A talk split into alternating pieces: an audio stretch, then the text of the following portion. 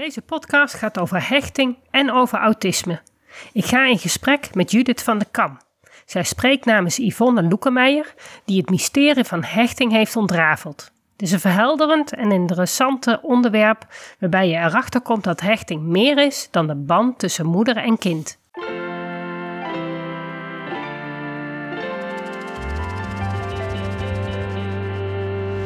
Welkom bij de Beelddenkers podcast. Ik ben Natasja Esmeijer van Beeldig Brein en de schrijfster van het boek Beelddenkers als kwartjes vallen. Ik neem jullie mee in de wereld van de beelddenkers. Beelddenkers zijn creatieve, intelligente en zorgzame mensen, maar ze hebben moeite met onze vluchtige, snelle maatschappij. Dat begint al op school en het werkt door in het werkende leven. Ik ga in gesprek met leerkrachten, ouders van beelddenkers en met de beelddenkers zelf natuurlijk.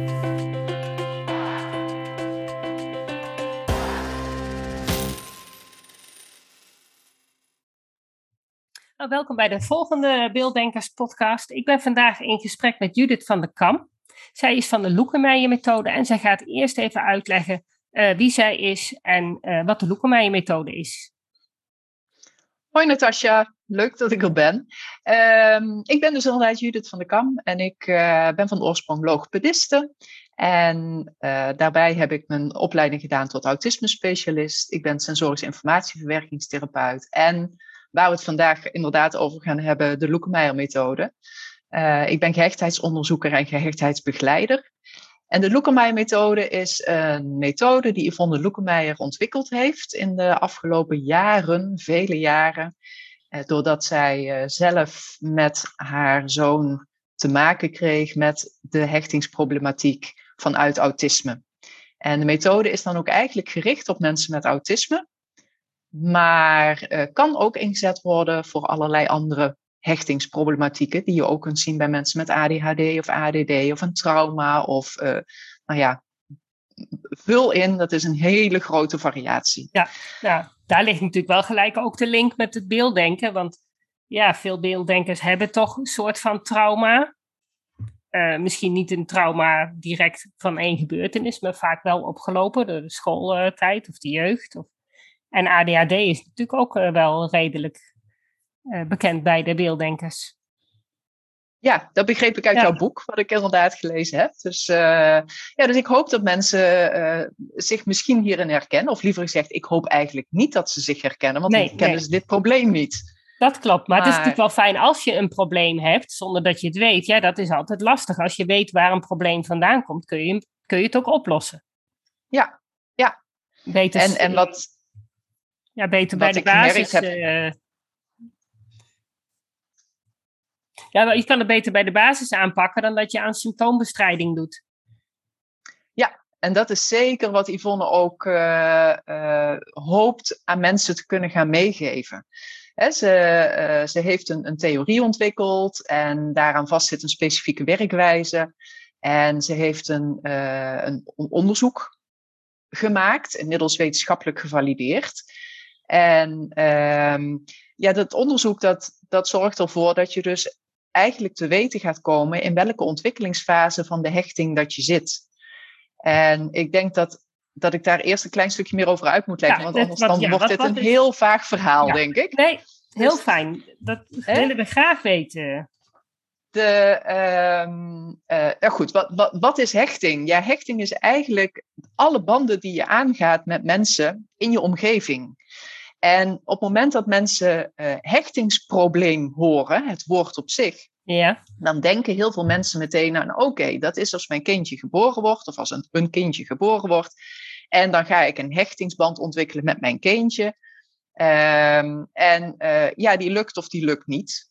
Even ja. heel zwart-wit gezegd. Ja, hè? nee, Zo dat van... is inderdaad wel iets waar ik, wat mijn, oh, die eerste paar levensjaren ga je inderdaad een hechting aan met je kind. En ja, dat is inderdaad wat ik onder hechting versta. Ja, nou, en wat wij eigenlijk zeggen vanuit de Loekermijn-methode is dat hechting iets is wat doorloopt tot in de volwassenheid. Want het is niet alleen maar dat hechtingsmomentje net na de geboorte of in die eerste drie, vier jaar waarin je je ontwikkelt. Maar eh, ook in je latere leven kom je weer nieuwe mensen tegen waar je een hechtingsrelatie mee aangaat. Ja. En dat kan alleen maar als je je hechtings uh, fasen doorlopen hebt. je hechting uh, loopt in verschillende fasen, zoals ik net mhm. al zei.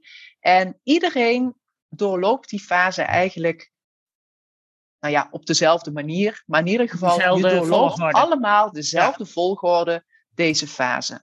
En als dat om een of andere reden niet lukt, denk inderdaad aan een trauma. denk aan uithuisplaatsing. Denk aan ehm, bij autisme ouders die niet doorhebben, ook niet door kunnen hebben. Laat ik dat vooral mhm.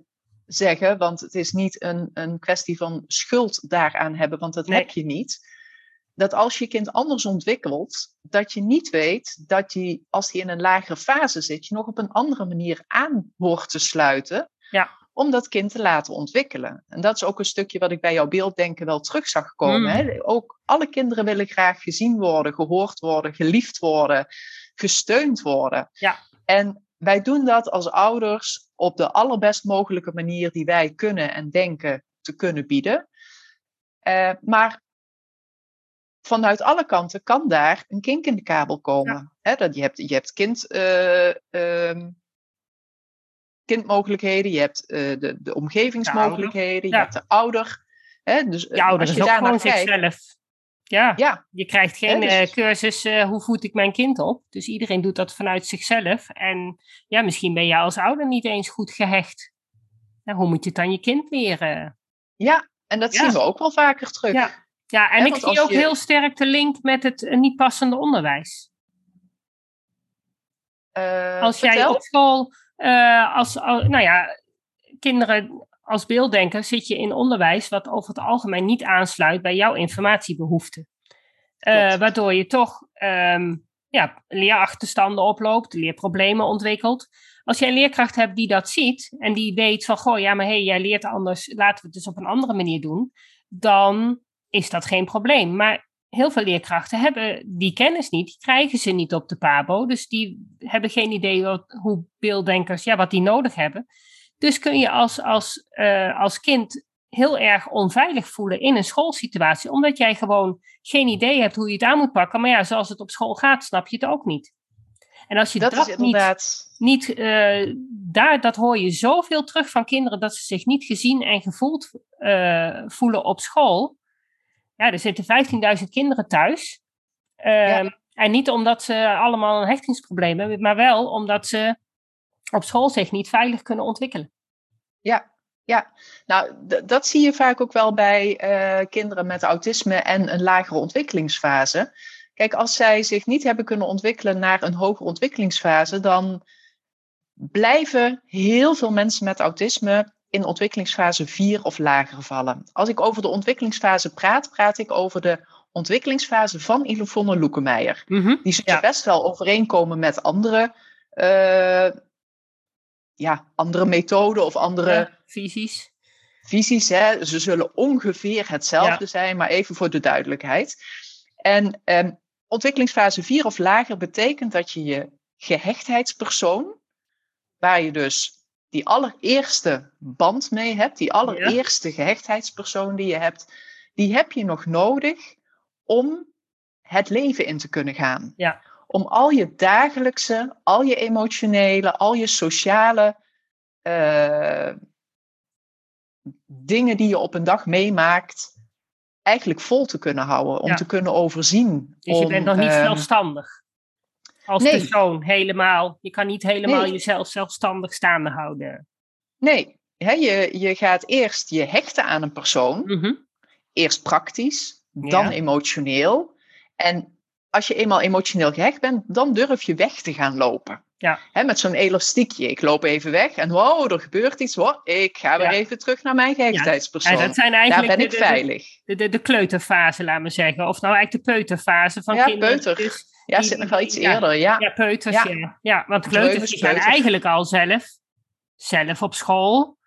Zijn wel blij ze smiddags weer terug bij mama uh, kunnen vertellen wat er allemaal gebeurd is. Die, hebben, die behoefte hebben ze vaak dan nog wel. Maar ja, ja eigenlijk zijn ze wel zelfstandig. Zij durven die wijde wereld in. Ja. Omdat ze veilig gehecht dus zijn. Dus die zitten eigenlijk dan al in fase 4. Of 5. Die zitten waarschijnlijk al in fase 5. Ja.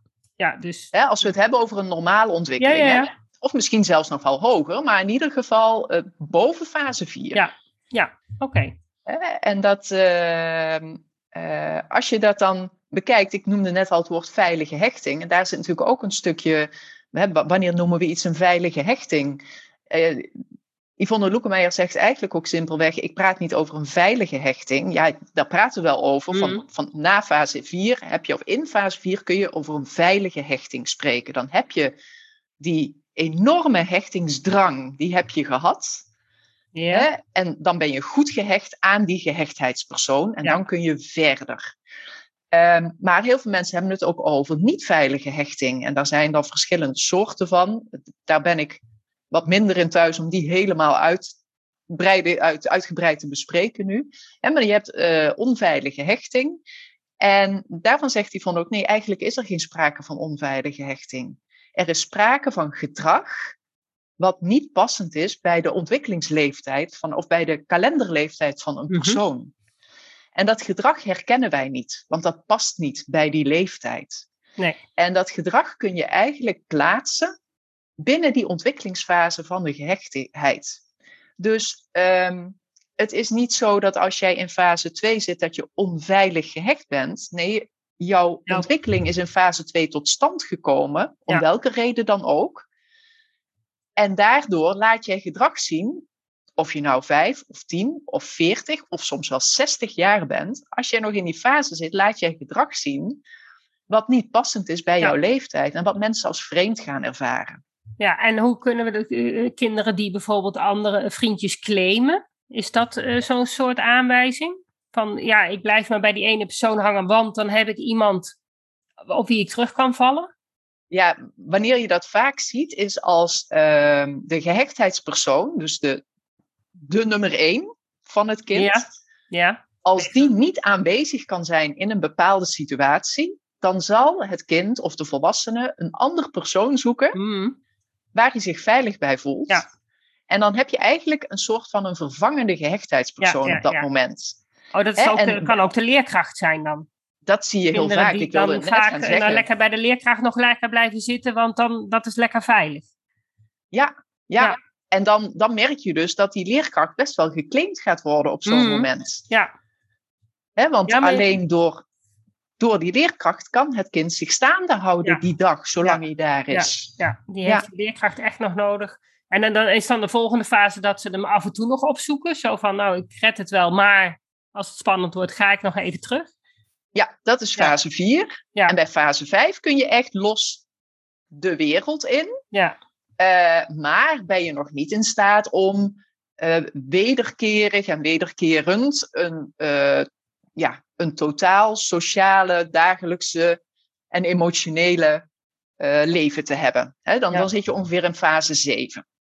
ja dus, dus dat is echt wel kinderen waarvan je zegt van, hé, hey, die leiden hun eigen leventje. Die gaan lekker met vriendjes afspreken. Die, Einde basisschool. Ja, ja die, die, die zijn helemaal eigenlijk klaar voor de wijde wereld, behalve dat ze nog verder ervaring op moeten doen. Ja. Ja. En, dan, dan, en dan ontwikkel je nog steeds verder hoor, in al die Ja, ja. ja gehechtheidsrelaties. dat geloof ik wel. Want je gaat natuurlijk ook die hele, die, want ik ben ook bezig geweest met dat puberbrein.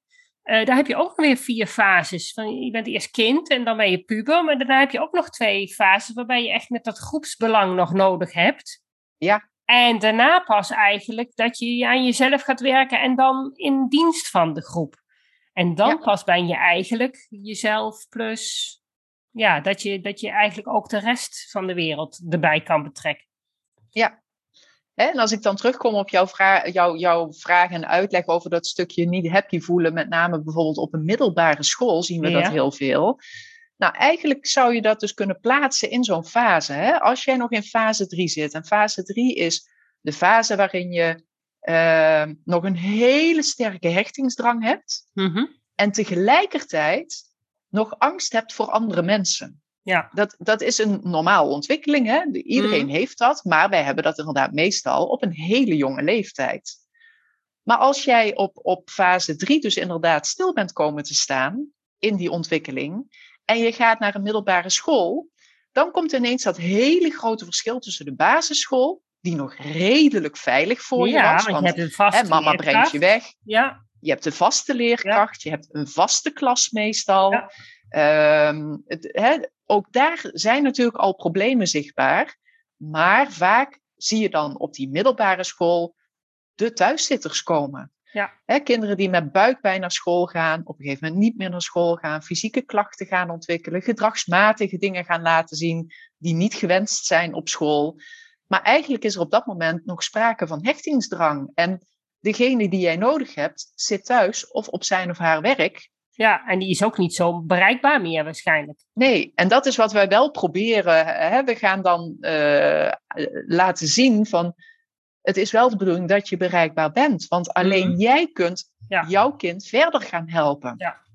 Hè, en dat doe je op basis van actieve nabijheid. Ja. En dat wil niet zeggen dat je fysiek aanwezig hoeft te zijn, hoewel we dat bij Nee. de hele kleintjes wel heel belangrijk vinden. Ja, Hè? Maar een telefoontje, een appje. zit, ja, een appje is dat wel. eh, ja, je hebt inderdaad sommige kinderen die inderdaad alles met moeders bespreken. Hè? Ja. Ja. ja bij ons En zelfs, niet, hè, maar- Ja. Dat ik eh, eh, kinderen ken of pubers ken, waarbij gewoon bleek dat, dat in de kantine het kiezen van een broodje niet kan zonder bevestiging van de ouder, de, hech- de gehechtheidspersoon. Ja, dan heb je inderdaad, dan praat je wel over een probleem, denk ik inderdaad. Maar Ja. dat is wel Ja, wat er gebeurt als je nog in fase gebeurt. 3 Ja. zit. Ja, Want keuzes maken, hè, je, overziet, je overziet eigenlijk nog niets in fase 4. Tot en Nee. met fase 4. Je kunt alle puzzelstukjes van het leven, sociaal, dagelijks, emotioneel, kun je nog niet bij elkaar brengen. En eh, pas in fase 5 lukt dat met twee stukjes. Een oorzaak en een gevolg. Een hele Mhm. simpele. Maar nog niet de emotie en nog niet. Maar als je dat niet kunt, dan is de wereld zo onduidelijk voor je. ja, En bij autisme is dat natuurlijk vaak zo. Dan, dan is die wereld zo onduidelijk, omdat jij die puzzelstukjes niet kunt plaatsen. Dus ga je ook vertraagd reageren, want je Ja. bent eerst aan het puzzelen. Hè? En eerst moet die informatie samenkomen. En eigenlijk is dat wat die gehechtheidspersoon met die actieve nabijheid gaat doen. En eh, wij als hulpverlener staan daarnaast. Wij mogen nooit tussen de gehechtheidspersoon en het kind, of de jongere, of de volwassene in gaan staan. Want samen met die gehechtheidspersoon ga jij die ontwikkeling doorlopen. En pas dan kun je weer verder die wijde wereld in. ja. Het klinkt wel heel eh, interessant, moet ik zeggen. Want het is echt wel iets waar, waar je eigenlijk niet bij stilstaat, bij jongeren. Dat zij nog zo, eh, zo'n persoon nodig hebben om eigenlijk beslissingen te kunnen nemen. Terwijl je als jongere toch wel behoorlijk wat dingen zelfstandig moet doen. Ja, ja. En, dat, ja, en dan hebben we het over jongeren, Ja, waarvan wij dan de verwachting hebben als buitenwereld, dat ze het allemaal maar kunnen. ja en, wordt En hoe hoog loopt dan de, Ja, de druk op? ja, Hè? En, en welke eisen gaan die kinderen aan zichzelf stellen? En, eh, en dan hebben we het nog niet over bijvoorbeeld de meisjes met autisme, die ehm, vaak van jongs af aan veel meer sociale factoren al aangeleerd krijgen. En ze, ze, ja, ze kijken en ze nemen op en Ja. ze imiteren. ja dat en vrouwelijk ze, brein is natuurlijk veel socialer dan een jongensbrein. Dus die, die Ja. hebben al toch weer iets meer tools dan jongens met autisme. ja, en dat is vaak ook de reden dat deze eh, vrouwen pas veel later natuurlijk de, Ja. de diagnoses krijgen. En ook pas veel later merken wij nu met onze cliënten erachter komen dat zij eigenlijk gewoon nog in een fase 3 of 4 zitten. Ja. En niet kunnen verder groeien, want ze kunnen die puzzelstukjes niet Nee, plaatsen. klopt. Ze hebben gewoon heel veel moeite, want hoe, hoe slim ze dan ook zijn, intelligent, dat is vaak het probleem niet. Nee, Maar zie je hele leven maar op orde te houden en denk overal maar aan, plan alles maar. Het, dat valt Ja. vaak tegen. dat Ja. valt ze heel erg Ja. tegen. En ze En- houden alle ballen omhoog. Ja, en ze willen het ook graag zelf doen, want ze zien dat de rest het ook zelf doet. Dus moeten zij dat ook kunnen van zichzelf. Ja. Ja, En willen dus eigenlijk die hulp ook niet meer hebben. Tenminste, dat zie ik dan bij mijn eigen dochter. Die, die, die, die zit ook in zo'n ja de fase. puberleeftijd is een Ja, lastige. nou, ze zit dan wel puberleeftijd voorbij. Ze is 16. Maar ja, dat toch wel ehm, heel veel dingen moeten doen. En ja, dat ook niet bij je moeder willen vragen. Ja. En ja, dan loopt het toch een keer weer spaak. Want dan is er toch weer ergens een pootje wat te weinig aandacht had gehad. En dan loopt daar de stress van op. Van, oh jee, als ik dat dan maar voor elkaar krijg. Ja. En dan... Uh... Ja, wat, wat we vaak doen bij de... Um, ja, wat ik net al zei, we gaan ernaast staan. Dus mhm. of het kind, of het nou een heel jong kind betreft, of een jongere, of uh, een jongvolwassene. Um, eigenlijk werken we dan heel vaak via de, de gehechtheidspersoon. Ja. ja even aannemende dat die er één is. Want ik net niet iedereen heeft een gehechtheidspersoon. En, die en als die er niet is, dan ga je dus samen zoeken naar een vervangend gehechtheidspersoon, die hopelijk kan gaan uitgroeien tot een gehechtheidspersoon. Als hulpverlener kun je dat nooit. Daar moet je ook heel duidelijk in zijn. Nee, want jij bent niet een vaste factor in het leven van iemand. Jij bent er een tijdje en dan ben jij weer weg als het goed is. Ja, en als je eh, als je dat doet via de Loekemeij-methode, kunnen we er ook uitstappen. Want dan kunnen we groeien naar een fase 6 of een fase 7. En dan kun je die wereld ook in zonder die gehechtheidspersoon. Dus we mogen wel als een vervangend gehechtheidspersoon er zijn.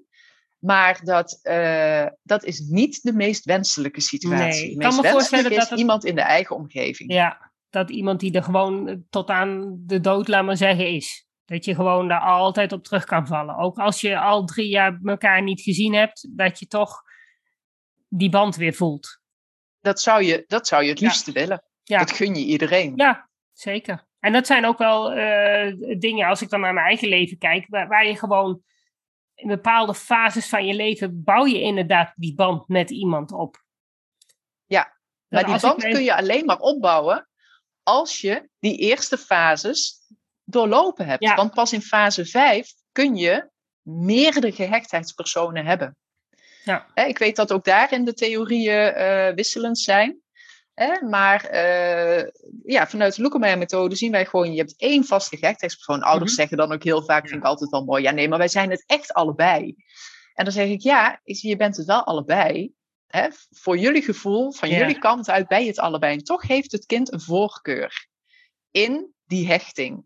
En uh, wat je dan vaak ziet, bijvoorbeeld als uh, vader en moeder allebei bij het kinderdagverblijf binnenkomen. Ja. En dat, dat het kind toch altijd naar die ene persoon rent. Ja, ja dat denk ik ook dus wel, ja.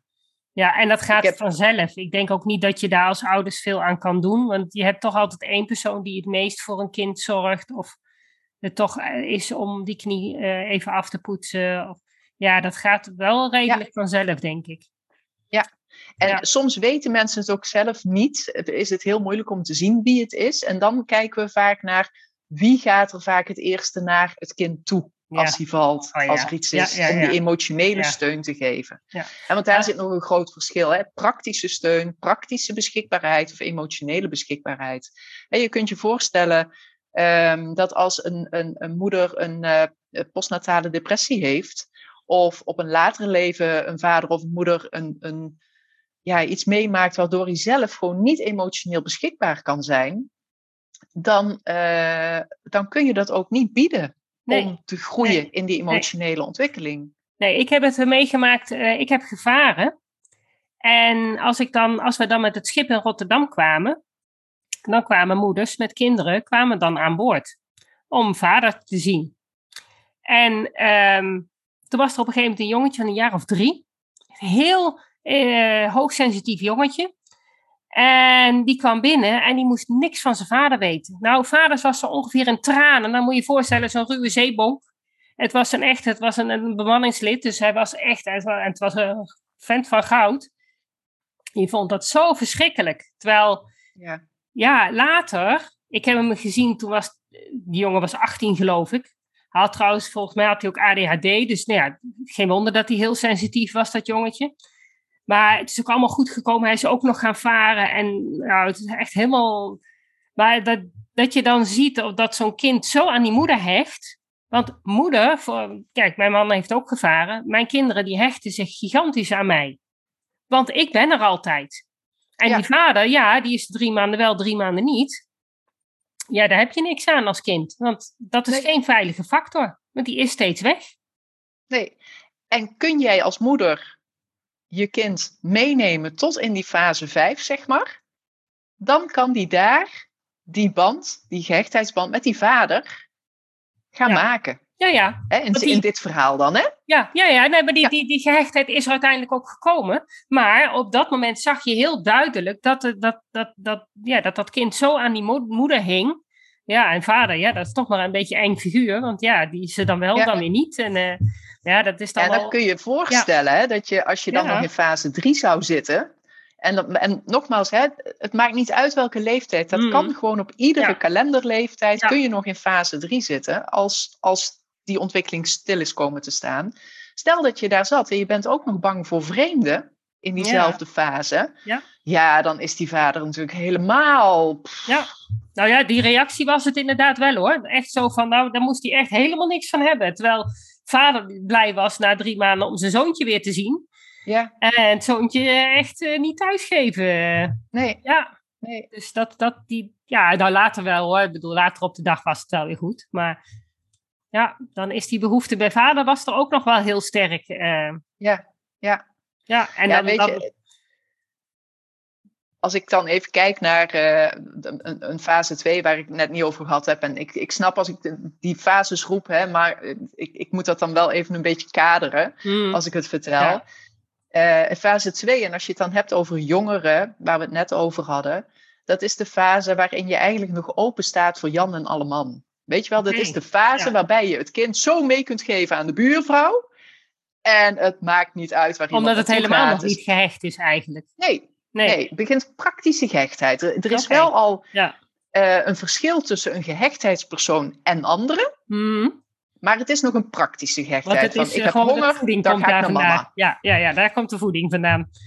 Ja, Ja, Ja, hè? Of eh, als je wat ouder bent, middelbare school, je band is kapot. Nou, praktische gehechtheid naar papa, die maakt mijn band. ja. Weet je wel? Dan zit er nog geen emotionele hechting achter. En dan zit, zit in fase 2. Maar in fase 2 is dus ook die fase, als je nog voor Jan en Alleman open staat en je Mm. bent inderdaad in die puberleeftijd. ja, dan heb je een denk, denk aan de jongens die meegenomen worden het criminele circuit in, omdat ze openstaan voor alles, nog niet de puzzelstukjes kunnen leggen wat goed en fout is. En dus eigenlijk in deze fase zo kwetsbaar zijn Ja. om daarin meegetrokken te worden door eh, andere pubers die wel die fases doorlopen hebben, kunnen manipuleren. Ja. Hè? En, en zo'n knul meenemen. Denk aan de meisjes in fase 2 en fase 3. Juist ook als ze wel heel erg hechten aan de loverboys. Hmm. Ja, Hè? Waarbij ze dan zo hechten aan zo'n persoon. En zij maken daar gebruik van. Ja. Hè? Dat ze alles daarvoor over gaan hebben. Want ze willen altijd bij die persoon zijn. ja en, En dan dat wordt is, het eh, gevaarlijk. eh. En, en eh, als we even teruggaan naar de hele kleintjes, eh, dat is eigenlijk ook waar we eh, vanuit Yvonne vaker nu en, en ook uitgebreider mee bezig zijn om dingen op te gaan zetten voor ouders. Hè, dat, ja. dat je dus eigenlijk al op die hele jonge leeftijd die preventieve kant op gaat zoeken bij mensen met autisme, zodat we eigenlijk gaan voorkomen dat Dat, er eh, een stilstand komt in die ja. ontwikkeling. Want dat is natuurlijk het belangrijkste. Want we merken dat hè, de cliënten van 40, 45, 50, die willen enorm graag groeien. Eh, maar er, zijn al, er is al zoveel leven achter iemand, dat je ook moet gaan kijken van hoe kunnen we dat nog doen? En is er dus wel een gehechtheidspersoon? Want waarom ben jij dan nooit verder kunnen groeien? Hè? Wat, eh, dus die mensen willen heel graag, maar we merken dat daar de vooruitgang wat langzamer is. Ja, maar ja, goed, vroeger was natuurlijk, als ik naar mijn moeder kijk, eh, je had op een gegeven moment een doodgeboren babytje, wordt gewoon weggehaald. Die, Ja. Dat zijn natuurlijk allemaal eh, dingen, eh, en ook, ook andere eh, ouders, ook kinderen werden ook gewoon zomaar bij ouders weggehaald, omdat dat nou eenmaal beter uitkwam. Daar, daar werd niet naar die sociale en emotionele banden gekeken. Dus nee, ik denk dat daar ook heel veel schade is aangericht, wat ook nog weer naar volgende generaties doorgaat. zeker weten. Dus ik denk dat we ook nog moeten afrekenen met al die. Nou ja, we hebben een, een podcast over epigenen gehad. Eh, dat zit daar ook in opgeslagen. Dus het zit ook in je genen opgeslagen, wat jouw Ja. moeder en jouw oma en je Overgroot, overgrootoma ja. allemaal mee hebben gemaakt. Dus daar zit ook, denk ik, als daar een hechtingsprobleem zit, dan geef je dat ook weer door. Ja. Dus dan moet je echt, op een gegeven moment moet je dat zien te doorbreken, lijkt mij. Ja. En niet bij iedereen, niet zo van, oh, een hechtingsprobleem, oh, we hebben gelijk uh, een groot probleem. Maar het kan wel. Ja, ja, het kan zeker. Het kan zeker. En, en wij zijn ervan overtuigd dat ouders eigenlijk gewoon heel goed zelf kunnen aansluiten bij hun kinderen. Moet je dat en, ouders wel kunnen, denk ik. Ja. De meeste ouders dus, kunnen dat wel. Ja. En, en als je dan een stukje uitleg daarover kunt krijgen, wat is dat dan aansluiten? Hoe kan ik die actieve nabijheid geven? Wat, uh, waar kan ik op letten en wat ga ik doen? En, en wat dan vooral heel belangrijk is, is inderdaad gaan uh, wat ook in jouw boek staat trouwens, een stukje gaan vertalen van dat gevoel wat, wat zo'n kindje voelt, maar zelf nog niet weet dat dat boos of bang of blij of verdrietig is. We proberen eigenlijk altijd die vier basisemoties te pakken.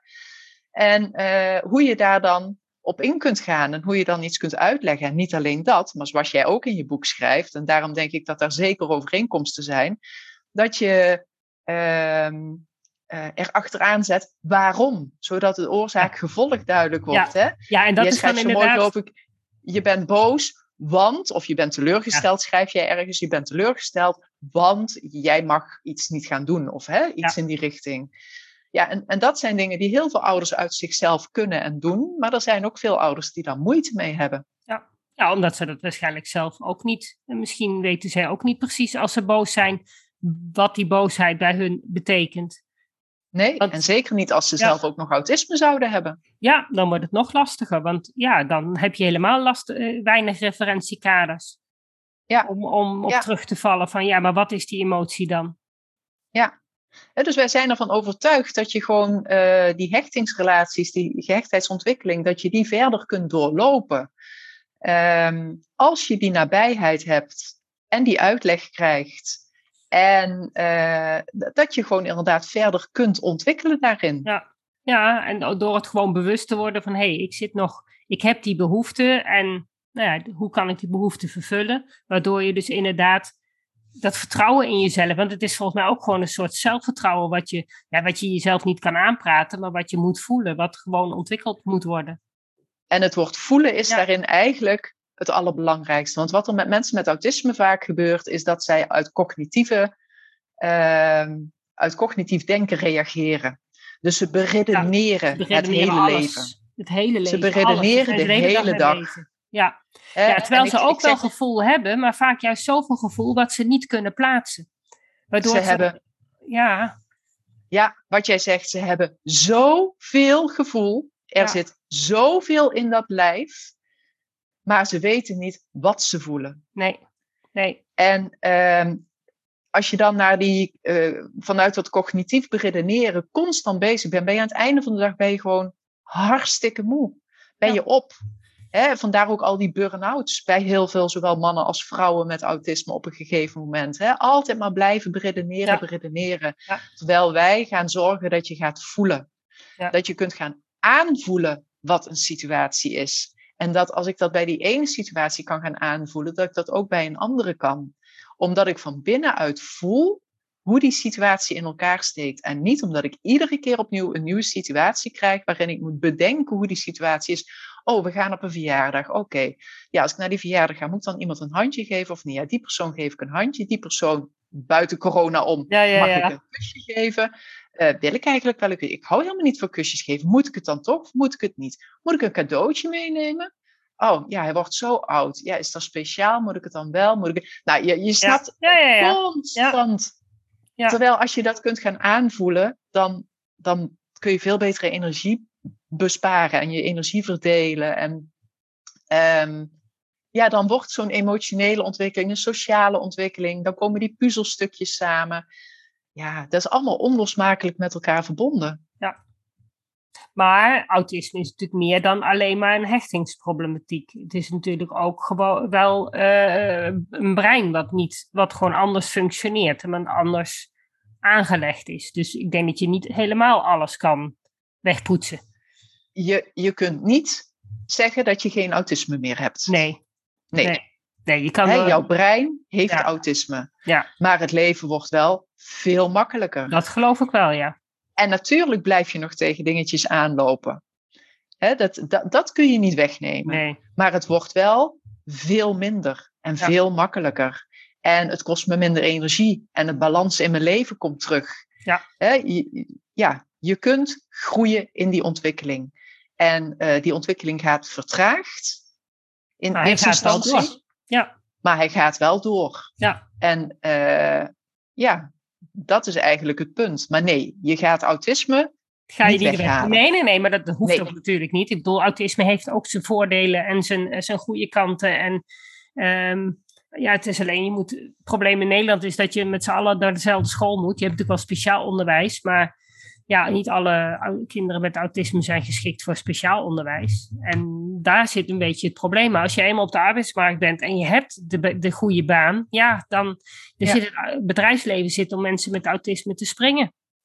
Ja. Dus ja, Ja. het heeft ook zo zijn voordelen. Alleen ja, in het, het, het sociale leven is een stuk moeilijker.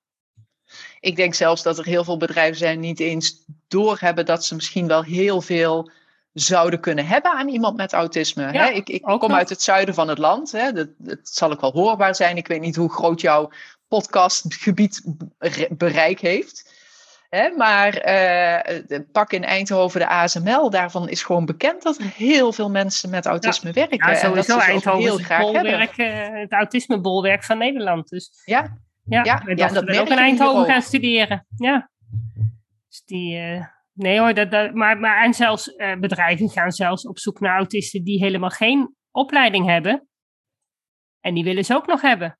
Dus Ja, Ja. ja. dat zijn verhalen die je wel hoort. Maar helaas hoor ik ook heel veel verhalen van de andere kant. En dat mensen Oh, met autisme niet gehoord en niet gezien worden Nee. op het werk. Of het zelfs Nee. niet durven te zeggen. Nee, maar ik denk dat het dan ook wel ligt aan eh, waar, jij, ehm, waar jij werkt en met wie je toevallig te maken hebt. Ja. Want ja, je Maar dat geldt natuurlijk voor ons allemaal. Hè? Ja, het is voor iedereen. Ik wou net zeggen, als beelddenker en, en zeker, ik heb ook heel veel met hoogbegaafde volwassen beelddenkers te maken. Die hebben het ook zwaar. Ja. Die hebben eigenlijk een beetje een soort gelijk probleem. Die denken zoveel en zo snel en die, die kunnen ook een ei niet kwijt. Dus ja, er zijn heel veel mensen die nog eh, niet gewaardeerd worden om wie ze zijn en wat ze zijn en eh, waar zij het mee moeten doen. Ja. ja, soms kun je je afvragen. Zijn wij, hè, en wij, wie zijn wij dan? De neurotypische mensen? Laten we het dan maar even zo zeggen. Hè, zijn wij dan misschien zelfs uiteindelijk niet in de minderheid als je al die andere dingen bij elkaar pakt en kijkt nou, van hey, ik denk dat dat nog wel meevalt. Ik, maar het, het, het, het valt allemaal een beetje onder dezelfde groep. Kijk, als je de beelddenkers pakt, dan heb je ook eh, alle mensen met ADHD, bijna alle mensen die hoogbegaafd zijn. Eh, de hoogsensitieve mensen, die zitten allemaal in diezelfde groep. Dus Ja. ook hoogsensitiviteit en hoogbegaafdheid, dat is ook iets wat samenvalt. Dus eh, het is allemaal 20%, 20%. Ja, het is wel diezelfde 20%. En de ene heeft meer last van het ene, de ander heeft, eh, is, ze zijn allemaal anders. Maar ja, de taaldenkers zijn ook allemaal anders. Ja. Dus, maar we ik zijn denk wel- allemaal uniek hè? we zijn allemaal uniek. En als taaldenker wil ook niet zeggen dat alles vanzelf gaat. En je Nee. hebt ook heel veel mengelingen. En zeker als je volwassen bent, ja, kun je behoorlijk in balans zijn. En dan heeft het niet meer zoveel invloed. Maar je kan ook heel extreem beelddenken of juist heel extreem taaldenker zijn. Dus ja, het is gewoon zo groot. eh, iedereen is anders. Ja. Ik denk dat dat ook het beste is om vanuit te gaan, hè? dat we allemaal anders zijn, en maar vooral ook allemaal anders mogen zijn. Ja, en dat ik ont- veel We belangrijker. hebben een, een cursus eh, ontwikkeld, dus over het beelddenkende brein. Maar die is ook, die is aan de ene kant bedoeld voor taaldenkers om de beelddenkers te begrijpen, maar ook voor de beelddenkers om die taaldenkers te begrijpen. Want het gaat alle kanten op. Als we wederkerigheid willen Ja. hebben, Ja, en dan kun je van iedereen gebruik maken waar die goed in is. En of je dan autisme hebt of niet. Ja, je moet wel zorgen als iemand met autisme dat je wel op de juiste plek zit voor jou. ja, Als jij in een drukke supermarkt moet gaan werken met al die lichten en al dat lawaai. Ja, kan ik me voorstellen dat dat misschien iets te veel is. Terwijl als jij op een, eh, op, in, in een data-analysebedrijf zit, waar jij niet met mensen te maken hebt, maar met al die gegevens te maken hebt, dat je daar perfect op je plek zit. Ja. Ja, ik denk wel dat je daar een beetje naar moet zoeken, ook voor jezelf. Van ja, dit zijn mijn mogelijkheden. En ehm, dat zijn mijn uitdagingen. En hoe vind ik daar het beste plekje voor? Ja, en dan is denk ik zo'n Loekelmeijer methode goed om uit te vinden van hé, hey, uh, waar kan ik nog groeien? Ja, en als je dan de ad-out af zou nemen, de ad-out, uh, dan, uh, dan, dan kun je dus weten in welke fase je zit. Mm-hmm. En wat wij daar heel specifiek in doen, is juist dat cognitieve en het gevoel gaan scheiden. Want wat je merkt bij heel veel onderzoeken is dat ze, uh, vaak zijn ze overigens voor mensen met een verstandelijke beperking. Ja. Waardoor je al een ander beeld krijgt als er onderzoek wordt gedaan. Ja. Als je de emotionele ontwikkeling uh, onderzoekt. Um, als dat dan niet zo is, dan um, merk je dat ze vaak gericht zijn op die hele slimme mensen die dan dus een antwoord geven. En dan geven ze antwoord en dan wordt er aangevinkt. Ja, Terwijl ja, dan wordt er niet gekeken naar wat cognitief. Ja, die kunnen gewoon beredeneren welk antwoord ze moeten geven. Precies, en als je daar niet doorheen prikt en je prikt niet door naar het gevoel, dan weet je dus eigenlijk nog niet op welk niveau ze zitten. Nee. Want uh, ze weten heel goed hoe ze zouden moeten reageren. Ja, maar dus wij, wij trekken eigenlijk dat stukje cognitie helemaal uit het onderzoek. En we gaan door totdat we in dat gevoel zitten. Ja. En doordat we merken van, hé, hey, en wat zou, je, wat zou je eigenlijk nou het liefst willen? Ja, maar ik, ik kan gewoon naar school gaan. Ja, maar als ik jou dan vraag wat jij het liefste zou willen, hè? Ja, dan heb ik eigenlijk wel mijn moeder nog nodig. Ja. ja, dat, dat, dat, brengt mij inderdaad naar een situatie waarbij inderdaad een jochie van een jaar of zeven, denk ik, hoogbegaafd. Inderdaad, zoiets als, ja, maar ik wil best naar school, maar ja, mama moet mee. Ja. En als dat nu weet, dan, zou, dan is dat inderdaad, denk ik, nog wel een stukje wat bij hem dan zou kunnen spelen, inderdaad. Een jongere emotionele leeftijd. Ja. Ja, en ik weet dat er zelfs op dit moment uh, uh, ja, dingen gaande zijn om te kijken van kunnen kan er iets van onderwijs opgezet worden waarbij de ouders mee mogen naar school om deze kinderen die dus echt daar heel erg behoefte aan hebben, maar ook niet verder kunnen komen mm. anders, ja. dat ouders gewoon mee kunnen naar school nou ja, om ze in een hele beveiligde, veilige sfeer te laten ontwikkelen en ze daarna later wel gewoon het leven in kunnen mm. laten gaan. Ja, ja, want uh, zoals uh, mijn collega Miranda, die begeleidt een meisje en die mag dus wel uh, mee de klas in. Die mag er gewoon ja. naast komen zitten als begeleiding. Ja. Dus dat is dan misschien niet de, de hechtheidspersoon, maar dat, dat, daar zijn dus wel mogelijkheden. Ja, en toch merk je wel verschil of het dan een begeleider is. Want ja. die zorgt dan voor het gedrag van het kind, of net wat dan hè, de hulpvraag is. Of een, dat je gaat vragen, mag de moeder mee de klas in? Mm, ja, dat klopt. Of ja. de vader, of de oma, ja. of de opa. Want laten we breed, een, een gechtheidspersoon kan iedereen in je leven zijn. Maar het kan zelfs een ding of een dier zijn. Ja, want ik denk dat dat wordt denk ik wel vaker gedaan met die kidsmethode ook.